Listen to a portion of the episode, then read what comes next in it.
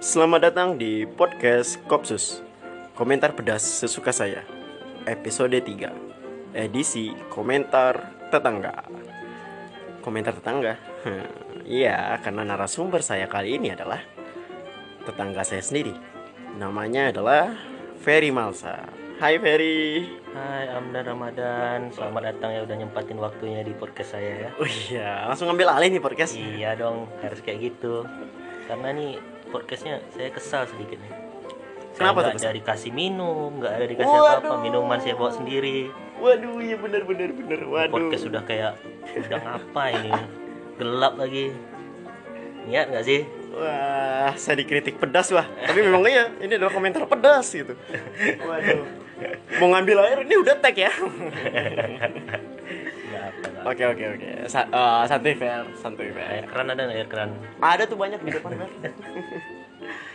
ya, eh, kalau boleh tahu kesibukan apa nih Fer? Kalau dulu aku itu mahasiswa ilmu pemerintahan di Unri. Sekarang aku udah udah selesai. Oh, sarjana udah selesai tahun ya? kemarin. Sarjana ya? Iya, enggak juga sih. Sebetulnya enggak juga sarjana karena ditunda karena corona. Oh, sarjana corona, angkatan Iya. corona juga ya Fer ya? Dan corona tuh ijazah udah dapat sarjana enggak. Aduh sedih ya Fer ya. Iya, Iya, ya inilah pandemi ya Fer ya. Iya, tapi gimana lagi? Eh, kalau ini Fer, eh, kesibukan selain aktivitas-aktivitas sekarang nih lagi sibuk apa nih Fer? Aku sekarang lagi sibuk di rumah aja karena aturan pemerintah di rumah aja. Eh, tidak ada bisnis kah? Oh, bisnis kebetulan bisnis ada juga, tapi ya, itu cukup-cukup makan aja. Cukup-cukup makan ya. Cukup-cukup makannya berapa ini? Kan satu keluarga, Oh, waduh. satu marsan. Oh, banyak juga.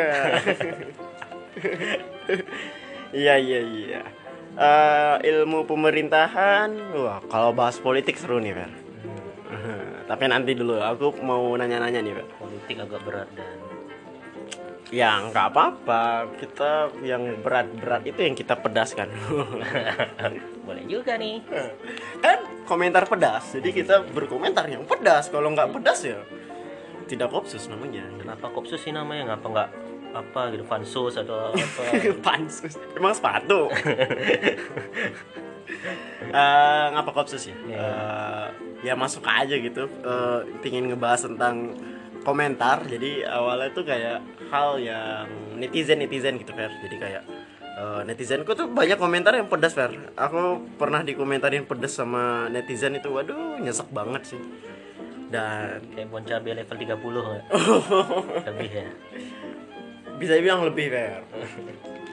Karena pedasnya tuh lain. Dia nggak pedas di lidah, tapi di hati. Netizen bangsat. Iya iya. Tapi eh, kita kalau di ini kan edisi komentar tetangga nih Fer. Hmm. Dari ya tetangga-tetangga sendiri tuh ada yang kayak pernah gosipin atau komentarin Ferry di belakang nggak sih yang menurut Ferry itu pedas gitu. Kalau di belakang ya aku nggak tahu gitu kan. Tapi kalau selama ini aku nongkrong-nongkrong duduk-duduk, ya aku ngomentarin ngomentarin kawan aku. Malah aku yang komentarin ya. Waduh. Malah kau sendiri pun pernah dikomentarin. Iya iya iya iya iya iya. komentarin Ya. namanya di belakang kalau di depan itu kadang kita kesal juga kan dia ngomentarin di belakang tapi Iya benar-benar. Emang selalu ada gitu. Ya memang dalam setiap tongkrongan itu ya selagi ada ya baik ya. Pas dia udah pulang, udah pergi, Ah. udah habis itu dia langsung komentarin. diceritain semua ya. Tapi Ya, kalau nggak ada gibah itu emang nongkrong nggak enak.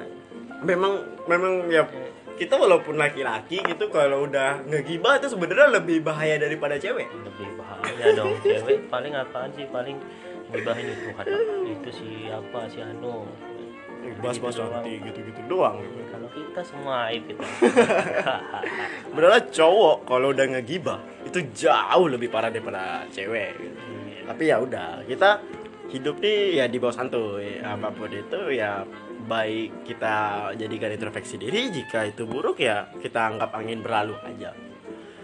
Tapi Fer, tadi kan kita ada ngulik tentang ilmu pemerintahan nih Fer. Hmm. Waduh, aku ada sedikit pertanyaan di dalam benak logikaku nih Fer. Hmm, kenapa tuh dan Hmm, sadar nggak sih Fer kalau pemerintah sekarang nih kayak tidak ada oposisinya sih Fer? Atau ada pendapat lain nggak sih bagi menurut Ferry gitu di Eh, pemerintahan yang ya terapin lah pembelajaran selama empat tahun lima tahun kuliah itu? Sebenarnya cuma itu cuma sarjana doang. Wah sarjana ya? Cuman ada dapat ilmu-ilmu sedikit. Ada lah ya. Iya. biasanya cerita-cerita dosen itu jauh lebih penting daripada iya terus ilmu yang dipelajarin teori-teori gitu. Iya. Bener nggak sih? Benar sih. Nah kalau pandangan Ferry nih mengenai eh, politik di Indonesia sekarang gitu yang ya apakah kita tuh kayak nggak ada oposisi atau gimana sih? Atau ada pendapat lain sebetulnya saat ini nih posi- oposisi pasti ada. Cuman kita nggak tahu sekarang siapa oposisinya. Karena selama ini yang kita tahu waktu pemilu itu kan Mm-mm. pemilu itu ada eh, kubu Gerindra Prabowo dan Jokowi. Tapi sekarang kan sudah terpecah itu.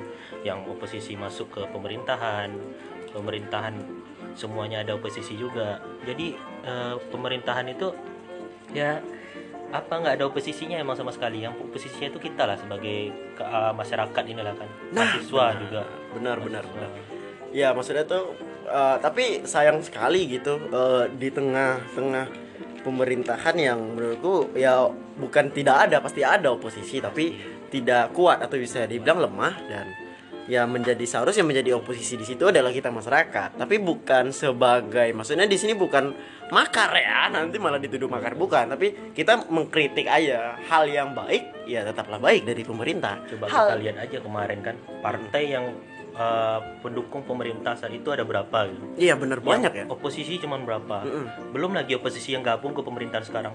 Malah oposisi itu bakal makin lemah. Mm-mm. malah sebagai eh, sampai saat ini nih oposisi malah dibilang mengkritik pemerintah penghancur pemerintah. Padahal enggak. Oposisi itu berguna untuk mengkritik pemerintah supaya jauh lebih maju. Iya benar. Kita ya oposisi di sini itu bukannya sebagai untuk ya kudeta, makar bukan, tapi oposisi di sini ya yang yang salah ataupun ya maksudnya tuh mungkin maksudnya baik tapi jalannya nih tidak baik nih.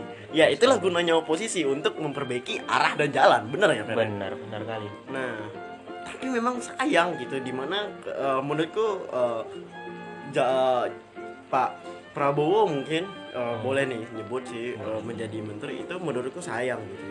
Aku lebih setuju kalau Pak Prabowo Pak, Pak Pak Prabowo itu lebih di tetap di oposisi lebih menyuarakan eh, mengkritik pemerintah gitu. Tapi ya mungkin kita juga tidak tahu eh, ada hal dan kebijakan lain pastinya yang udah dipikirkan matang-matang. Tapi hmm, apalagi dalam situasi corona ini sebenarnya tidak ada oposisi ini berdampak kan kalau. Eh, berdampak dong sangat berdampak siapa yang mau mengkritik pemerintah kalau misalnya nggak ada oposisi Ah, kalau tidak ada oposisi apa yang bakalan dia kritik Hmm. nanti bakalan misalnya nih kebijakan-kebijakan yang ada itu harus sesuai dengan pemerintah pemerintah mau apa tetap itu yang harus dijalankan itu sudah Iya sih benar ya. Eh, sementara ya maksudnya tuh kalau misalnya ada oposisi eh, pasti ada perlawanan sedikit Iya. gitu. Jadi pemerintah mungkin bisa berpikir ulang dua kali untuk melakukan keputusan. Tapi jika tidak ada oposisi ya pemerintah tidak berpikir dua kali jadinya untuk Sebetulnya- mengambil sebuah keputusan gitu. sebenarnya ada sih kita oposisi ya itu Hmm. di bagian wakil rakyat tapi wakil rakyat kita sendiri saja kita lihat sekarang untuk ketuanya saja eh, partainya dari pemerintahan Iya benar benar benar. saya lebih setuju misalnya nih yang menang misalnya eh, kalau pemerintah kita itu yang menang ini pemerintah misalnya nanti yang jadi dewannya itu lebih baik yang partai oposisi biar dia bisa mengkritik pemerintahan seperti itu bagusnya sih. Iya benar sih benar. Tapi ya Ya, bagaimana mau tidak mau ya? dari banyak partai yang mendukung pemerintah atau koalisi pemerintah itu lebih besar dibandingkan partai oposisi ya benar ya. betul sekali Eh, apakah ini salah pemerintah? Menurutku juga tidak. Tidak. Karena ya ya mau bagaimana ya ketika mereka mengatakan untuk bergabung ke pemerintah ya pemerintah pasti senang gitu. Iya, Benar ya? benar Benar, berarti eh, nah di sini lagi letak fungsi dari kita sebagai masyarakat. Ketika tidak bisa dibilang oposisi tidak kuat, ya kita harus mencoba untuk lebih cerdas ya, Fer. ya? Bener, bener nggak tuh, Fer? Ya maksudnya tuh memang benar kita harus mengikuti anjuran pemerintah untuk informasi semuanya ya ikut eh, kabar dari pemerintah. Benar, itu itu memang harus, tapi tidak mesti harus kita mentelan mentah-mentah terus menerima itu semacam. Mungkin kita sedikit berpikir apakah ini baik, apakah ini tidak, atau mungkin eh, jalannya itu mungkin salah kita ya. Kita mungkin boleh ya menurutku sedikit berpendapat tapi nah di sini tadi fair di mana netizen Indonesia itu kalau berpendapat wah ya tidak Udah tahu tidak tahu cara sepertinya. Iya betul sekali. Dia berpendapat eh, mempunyai maksud dan tujuan yang baik tapi berpendapat yang salah. Betul. iya. Apalagi nih wah eh, sering kita baca-baca Instagram atau media-media sosial lainnya kan. Mm. sekarang nih eh, netizen tuh terbagi dua yang dari politik itu. Ya. yang kubu Jokowi kubu Prabowo kemarin. Mm. cuman kan sekarang kubu Prabowo udah pindah ke Jokowi tuh. Jadi sekarang ada tuh yang namanya Pak Anies. Jadi Oh, ya, ada kubu Pak Anies berarti ya berarti ini dua nih sekarang. Yang eh, kemarin tengok kan eh, untuk masalah corona kemarin di Jakarta. Iya. Sekarang walaupun di angka meningkat tapi masih banyak juga orang yang menyalahkan Anies padahal Anies itu sudah eh, lumayan bekerja untuk eh, Ya, itu. benar-benar. ya. Eh, jadi yang kubu Prabowo menjelek-jelekkan dulu yang Jokowi sekarang. Jokowi menjelekkan ini. Jadi nggak habis-habis netizen Indonesia tuh eh, gimana? Terpengaruh politik itu sangat. Padahal politik itu bisa menyatukan juga sebetulnya. Politik itu seharusnya menyatukan membangun dan untuk menjadi masyarakat yang cerdas. Iya. Eh, menurutku untuk menyalahkan misalnya kayak Pak Anies ini nih semacam eh, kalau menurutku ya kinerja Pak Anies itu udah baik ya. Lumayan. aku lihat terakhir itu kayak di TV itu lihat Pak Anies tuh udah kayak udah lesu, udah lemas, Hmm. kayak udah ya udah capek kayaknya gitu dia udah tidak tidur ini segala macam ya. Menurutku harus diapresiasi gitu. Jika gagal ya pemerintah tidak ada yang sempurna, benar ya. Orang ya maksudnya tuh tidak mungkin 100% bagus. Nah, di sini juga tidak mendukung Anies ya. Kalau memang Anies Iya. salah ya tetap kita kritik. Dan kalau dia bagus ya apresiasi lah itu. Nah, itulah di sini menurutku tuh ada apa sih Fer kayak ya di sini dia gitu bagaimana berpendapat lah yang baik. iya Kita berkritik lah yang baik, tidak menjatuhkan orangnya, iya betul. tapi kinerjanya gitu. kinerjanya yang kita nilai apakah itu baik apakah itu tidak kalau bukannya malah menghujat kebencian Iya, mengujar kebencian beda dengan mengkritik. mengkritik beda kalau mengujar kebencian ya kita langsung nyebut wah si itu tuh Iya, goblok. wow itu tuh ini oh, itu tuh itu. Wah itu baru jelek itu namanya mengujar kebencian. Betul kalau kita di sini lebih kayak kinerja dia kritik. kinerja dia apakah ya. keadaannya sekarang. Dan itu itulah seharusnya bagaimana eh, netizen Indonesia menurutku mulai belajar lah. Eh, kita mulai menjadi oposisi pemerintah itu sendiri tapi mengkritiknya bukan mengkritik yang personanya dikritik. persona karena aku suka tuh eh, Pak Jokowi di awal-awal ya silakan kalau memang saya salah kritik saya itu Hmm, kata-kata betul Pak Jokowi Batu. itu kata-kata Pak Jokowi sendiri kok Apalagi par- waktu Pak Jokowi bilang di Iya. depan mahasiswa saya kangen di demo itu. Iya, itu memang Sangat senang sekali aku. ya itu memang hal yang kenapa ya pemerintah tuh butuh itu gitu. Iya. Pemerintah tuh butuh dikritik. Kenapa kok? Ya bukannya berarti kita mengkritik pemerintah. Kita ingin pemerintah turun bukan. Kita ingin pemerintah kinerjanya supaya bagus sudah. Itu aja gitu. Bukan uh, ingin wah ganti ini ganti itu. enggak itu itulah yang pemikiran makar. Ketika misalnya ya Pak Jokowi sekarang sudah bermimpin bagus kalau ada yang salah ya coba dong kita tegur pak itu salah pak Nah, coba ini pak nah, kan seperti itulah ya, kritik yang bagus ya Ben- bener bener ya Fer ya. Eh, Dan tapi itu bagus tadi tuh Fer Eh, saya kangen di demo ya memang eh, ya maksudnya belakangan ini juga mahasiswa tidak seaktif dulu ya Betul. sejamannya Pak SBY kalau menurutku iya, pas zaman Pak SBY eh, min- eh, bensin aja turun. Eh bensin naik langsung di demo. padahal naiknya cuma seribu Iya, gitu 1000, udah 2000. langsung turun demo Turunnya berapa kali waktu SBY dulu? Sampai 4000 malah kita dapat bensin. ah iya bener Gila. ini Di mana lagi kita dapat bensin segitu kan? Ini Ferry mahasiswa nih, eh, mantan mahasiswa nih. Mahasiswa, oh, mantan ya, mantan. mantan. Ya, mantan. Itu mahasiswanya yang udah capek atau gimana tuh? Aku kurang tahu juga nih dan aku masih berpikir kenapa sih mahasiswa nggak seganar segarang dulu ya kemarin juga ada gitu tuh demo terakhir kemarin ya di Jakarta ya Iya. itu kan eh, menolak eh, apa UU KPK ya Iya, oh, UU baru itu, UU Iya, iya. rancangan UU yang ayam tetangga. Nah, ya. Kalau masuk ke rumah ke eh, ini jadi penjara kitanya. gitu kan. Nah, Iya itu benar-benar. ada satu apa sima baru aku yang eh, ag- kebangkitan arah baru mahasiswa itu eh, yang bisa memberani mengkritik pemerintah Hmm. cuman makin ke sini kenapa makin sepi ya gitu Eh, Dini gimana tuh Kalau menurutku aku juga berpendapat ya ini mungkinkah ini salah generasi milenial kah? Di mana yang generasi sekarang serba gadget mereka udah kayak nggak mau berdemo lebih baik. Ayo di Instagram aja kita serang Iya, kita betul. kita serang nih komentarnya. Serang, serang. Pak Jokowi gitu atau gimana? Padahal mahasiswa itu sebetulnya ada agent of control ya kontrol Benar, benar. yang bisa mengontrol pemerintah the agent of change. Nah, itu dia tadi gitu. Maksudnya tuh eh, jika ti- pemerintahan tidak ada oposisi, Hmm. kita kayak mengkhianatin eh, para orang yang kok menjadi korban 1998.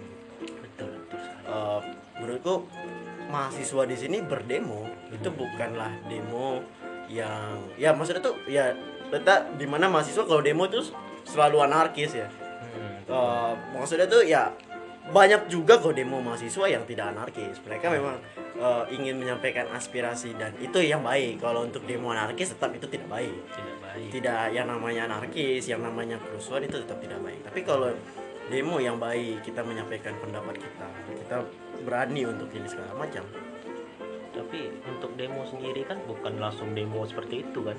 Kita kan juga menyampaikan kepada pemerintah pak bapak kinerja seperti ini seperti ini. Ketika pemerintah tidak merespon baru namanya aksi.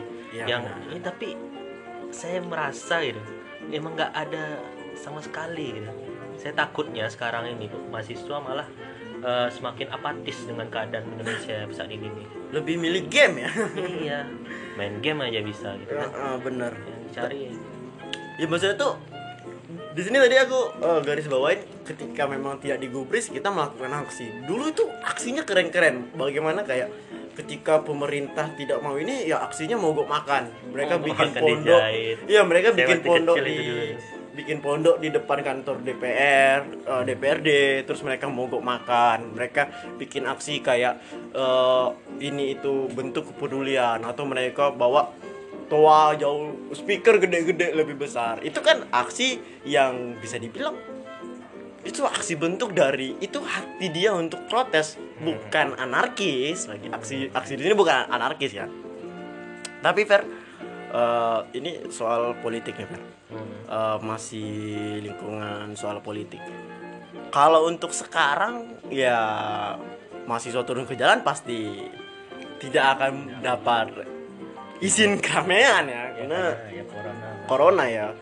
Nah, eh, untuk sekarang kira-kira kalau misalnya mungkin mungkin ya, ini mungkin atau kita berspekulasi aja gitu. Misalnya pemerintah salah ambil keputusan tentang corona nih. Nah, apa cara yang bagus untuk kita bisa mengkritisi pemerintah? Caranya lewat apa gitu kira-kira? Hmm, paling sekarang ya kita manfaatin media sosial terus eh, kirim surat ke pemerintah atau lakukan aksi nyata yang bisa membantu juga pemerintah pemerintah sekarang juga sangat bingung dan tidak eh, tidak bisa kita pungkiri juga Benar, pemerintah benar, pasti benar, udah benar. sangat bingung sekarang ini. gimana caranya tapi ya cara kita sekarang mulailah untuk bergotong royong rubah eh, In- Indonesia ini jauh lebih baik lagi dan bisa terhindar lagi dari COVID-19 salah satunya ya jangan ke mana-mana di rumah aja gitu. Iya benar. Eh, kalau untuk sejauh ini menurutku kinerja pemerintah menanganin COVID itu eh, lumayan baik ya. Eh, ada banyak keputusan yang menurutku bagus ini segala macam. Cuman cuman agak kayak telat sih dan telat. terasa nggak ya telatnya Telatnya terasa gitu. Habis itu eh, ya mungkin yang yang perlu kita kritisin dengan keputusan pemerintah sekarang mengenai corona adalah telatnya ada memang ada sedikit telat gitu mengambil keputusan ya maunya kayak PSBB ini ketika Indonesia udah dawat darurat atau di angka persentasenya di 1000 udah langsung PSBB. kalau menurutku gitu ya. Kalau sekarang kan udah di angka 6000 tuh udah. Uh, udah banyak gitu dan Kalau sejauh-jauh udah kita lihat aja Malaysia sekarang dia udah berapa lama lockdown dan sekarang angka COVID-nya udah jauh turun. iya turun lah. Turun. Dia nggak ada lagi di persentase peringkat atas sudah hilang. Gila. Kalau menurutku fair, kenapa menurutku telat? Eh, karena tingkat kedisiplinan masyarakatnya yang kurang, fair. Hmm. Eh, aku di sini ngambil hal itu kayak di Singapura, fair. Hmm, Mereka apa tidak ada lockdown, tidak ada karantina wilayah. Cuman masyarakatnya itu aktif. Di mana eh, ketika negara itu kena terjangkit virus corona, mereka eh, update kesehatan mereka masing-masing ke pemerintah. Jadi ada website pemerintah. Mereka selalu melaporkan diri mereka, hasil kesehatan mereka melalui ini, ini segala macam. Jadi ketika mereka covid corona eh, positif covid, ya mereka udah langsung oke saya covid. Dia menyerahkan diri ke rumah sakit. Saya covid ini segala macam. Dan maksudnya power aktif gitu. Oh, enggak ya. Ya, nah di sini di situ dia tadi ada beberapa daerah yang ya bisa dibilang dia kalau dia udah sakit udah tahu kayak gitu tapi dia nggak mau berobat dia Mungkin dia agak agak takut rasanya. Eh, misalnya takut. takut. misalnya nih dia padahal sakit demam tapi di karantina. Padahal bukan kayak gitu Iya, bener. Bambang. ya ada Ya, dia- juga dia, gitu. eh, itu ada yang terjadi kalau menurutku dia takutnya bukan takut eh, karena di karantina Fer, tapi takut digunjingin atau dikucilin oleh tetangga tetangganya Ya ngapain sih si Bambang nih sakit gitu kan. Batuk lagi. Aduh, gara-gara si Bambang nih katanya lockdown nih. Wila- Komplek kita nih katanya kan. Waduh. Dan aku aku bingung nih kemarin kenapa coba tengok kita tengok negara lain saat misalnya eh, COVID-nya udah ada satu orang dia buka semua datanya dan beda di Indonesia dia nggak membuka datanya. Menurut Amdan Amdan setuju nggak? Gitu? Oh, tidak dong. Maksudnya itu ya Jadi kan kalau kita tahu datanya kita kan bisa dia beregistrasi sama siapa, sini dengan siapa, sini dengan siapa. Jadi ya selesai itu. ya Bakal- selesai kita udah tahu sama siapa. Iya. Maksudnya itu ya yang tadi tuh ada yang kayak dari pemerintah tuh yang ada sistem A B C di mana dia menjumpai A. Hmm. Eh eh, si A eh, sebagai yang positif menjumpai C. Hmm. Yang yang C mungkin ya kalangan yang dia kenal, Hmm. tapi B yang dia jumpai di jalan ya ini dia yang yang perlu dicari kan. Iya betul Nah, betul betul. BB ini siapa nih yang menjadi BB-nya nih? Hmm. Itu dari B ini akan menjumpai orang lagi menjalan. Itu dia yang kasus yang sebenarnya menco- yang dicoba untuk dihentikan pemerintah. Eh, ya memang untuk di rumah saja itu penting. Tapi Fer, Hmm. Ferry setuju karantina wilayah nggak sih? Atau bisa dibilang ya lockdown full ya kalau dibilang ini bukan lockdown ya. Iya. Kalau menurutku ini bukan lockdown tapi anjuran supaya di rumah.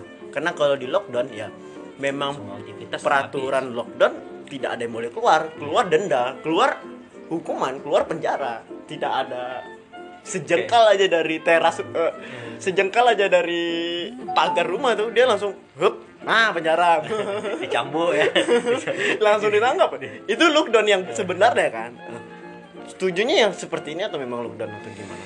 Kalau aku sih setuju kayak gini aja dulu dan tapi ya emang kalau kita mau lockdown ya bisa aja cuman menjamin nggak pemerintah masyarakatnya bisa makan ada makmur dan sebagainya. Aku yang takutnya itu kalangan-kalangan bawah yang nggak punya duit sama sekali dia bakalan bingung dia mau makan apa nantinya. Nanti dia sudah tidak ada kerja dia serabutan nih. Dia tukang jual apa? Tukang angkat beras misalnya. Dari situ dia dapat pekerjaan. Jika tidak ada lagi apa dia mau makan apaan gitu? Pemerintah bisa nggak menjamin itu? Nah tapi serba tanggung juga Pak di, di dalam situasi seperti ini Hmm. ya dia mengharapkan oke tadi tukang angkat beras gitu. Hmm. ya yang beli beras sekarang kan nggak banyak jadi. Iya. Orang juga ini eh, ya yang biasanya dia dapat bisa dua ribu satu hari ya dia Hmm. cuma dapat tiga ribu lima ribu ya yang aku tengok sama-sama sekarang pahit gitu yang sekarang ini yang yang apa bukan aku mengucilkan ya namanya yang yang di sekarang ditengok cuman tukang ojek ya Ya, benar benar pemerintah benar cuma ngasih ke tukang ojek sedangkan petani eh, eh, masyarakat kelas bawah lainnya itu kurang diperhatikan dengan pemerintah. Apakah kurang atau tidak sama sekali? Aku masih bingung ini. Nah, eh, ya itu dia. Eh, kita selalu kayak kebijakan kredit lunak. Hmm. Kredit lunak juga ada sedikit bermasalah nih Fer. Jadi ada temanku yang dia kredit, dia di finance kreditnya tidak di bank. Dan ketika dia bilang ke ini nih saya berdampak langsung nih bang soalnya di rumah saya eh, di komplek rumah saya itu positif memang saya tidak bisa keluar sama sekali nah eh, dia telepon itu ke finance wah orang finance yang ngomong wah kalau ini bukan sistem bank kalau di bank baru bisa eh, untuk potongan. Wah ini ambigu. Menurutku itu harus harus dijelas kasihan dia dia Itu- bingung padahal itu dia termasuk korban corona kan itu? Iya betul kan. ini namanya ini tukang kredit yang nggak takut sama pemerintahnya. Macam pemerintah udah ngeluar peraturan dia nggak takut dengan pemerintah. Aneh gitu. banyak banyak banyak sebenarnya kasihan dia jadi Iya. bayar juga nih cicilan itu dia ya kan ya eh, fair Eh, tapi itu kita ngebahas tentang eh, ya corona ini kita berharap semoga cepat berlalu Amin, amin. cepat selesai bagaimanapun kita juga ingin ya hidup kita normal lagi anak-anak kembali sekolah anak-anak eh, kita kembali kuliah Ferry bisa wisuda Iya, aturan aku bisa wisuda, aku cuman dapat ijazahnya doang. kan. Sedih, aku mau minta legalisir pun juga nggak ada orang di tempat. Apa yang ku legalisir? Mau nyari kerja pun nggak bisa, kerjaan nggak ada. Eh, sedih. Susah ya? Iya, sedih banget dan, dan udah S1 nya lama, wisuda nggak ada. Sia-sia aja tuh aku kuliah. kemarin pas teman wisuda kita ngasih bunga pas Iya. kita wisuda boro-boro yang ada yang ngasih bunga bunga, bunga banknya bengkak. deposito bank bunga yang bengkak aduh Aduh. ya inilah corona eh, pandemi yang ngetren eh, di tahun 2020 2019 2020 ya kita bersyukur juga nih eh, pandemi seperti ini mungkin 100 tahun lagi mungkin baru ada nih kan Iya, kemarin kabarnya juga ada tuh tahun 1919 ya, jadi 100 tahun sekali ya. iya 100 tahun Tahun sekali tahun apa namanya? Tahun tahun kembar 21 21 19 19. Mungkin 21 21 22 22 juga ada.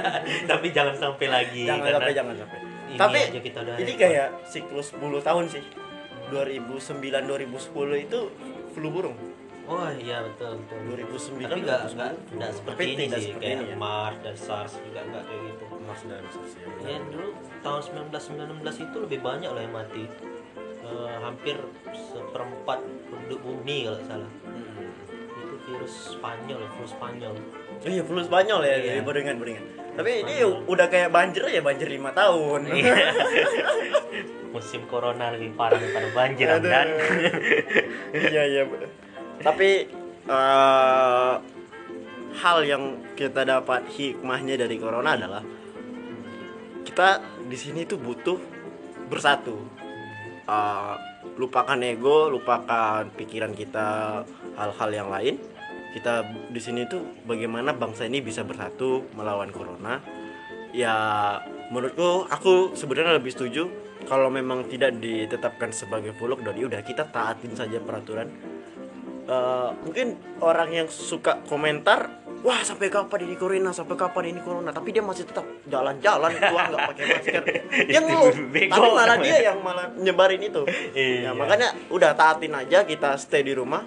Semakin banyak yang stay di rumah eh, maka semakin kita putus rantainya semakin cepat corona ini berlalu daripada kita membandal menakal ngeluh. Ya apa gunanya kalau kita ngeluh kalau kita yang melanggar gitu? Eh, udah kita stay di rumah stay at home dengar aja podcast. Waduh. Ya betul itu ya. hiburan-hiburan ya kalau kalian bersuara ya aku mungkin menyarankan bagaimana kalau ingin bersuara salah satunya di podcast. Iya, sekali. eh, bersuara tapi tetap jaga attitude jaga etika bukan memberikan hujaran kebencian Betul, tapi mengkritik dengan cerdas mengkritik dengan baik betul sekali. Eh, programnya bukan orangnya Hmm.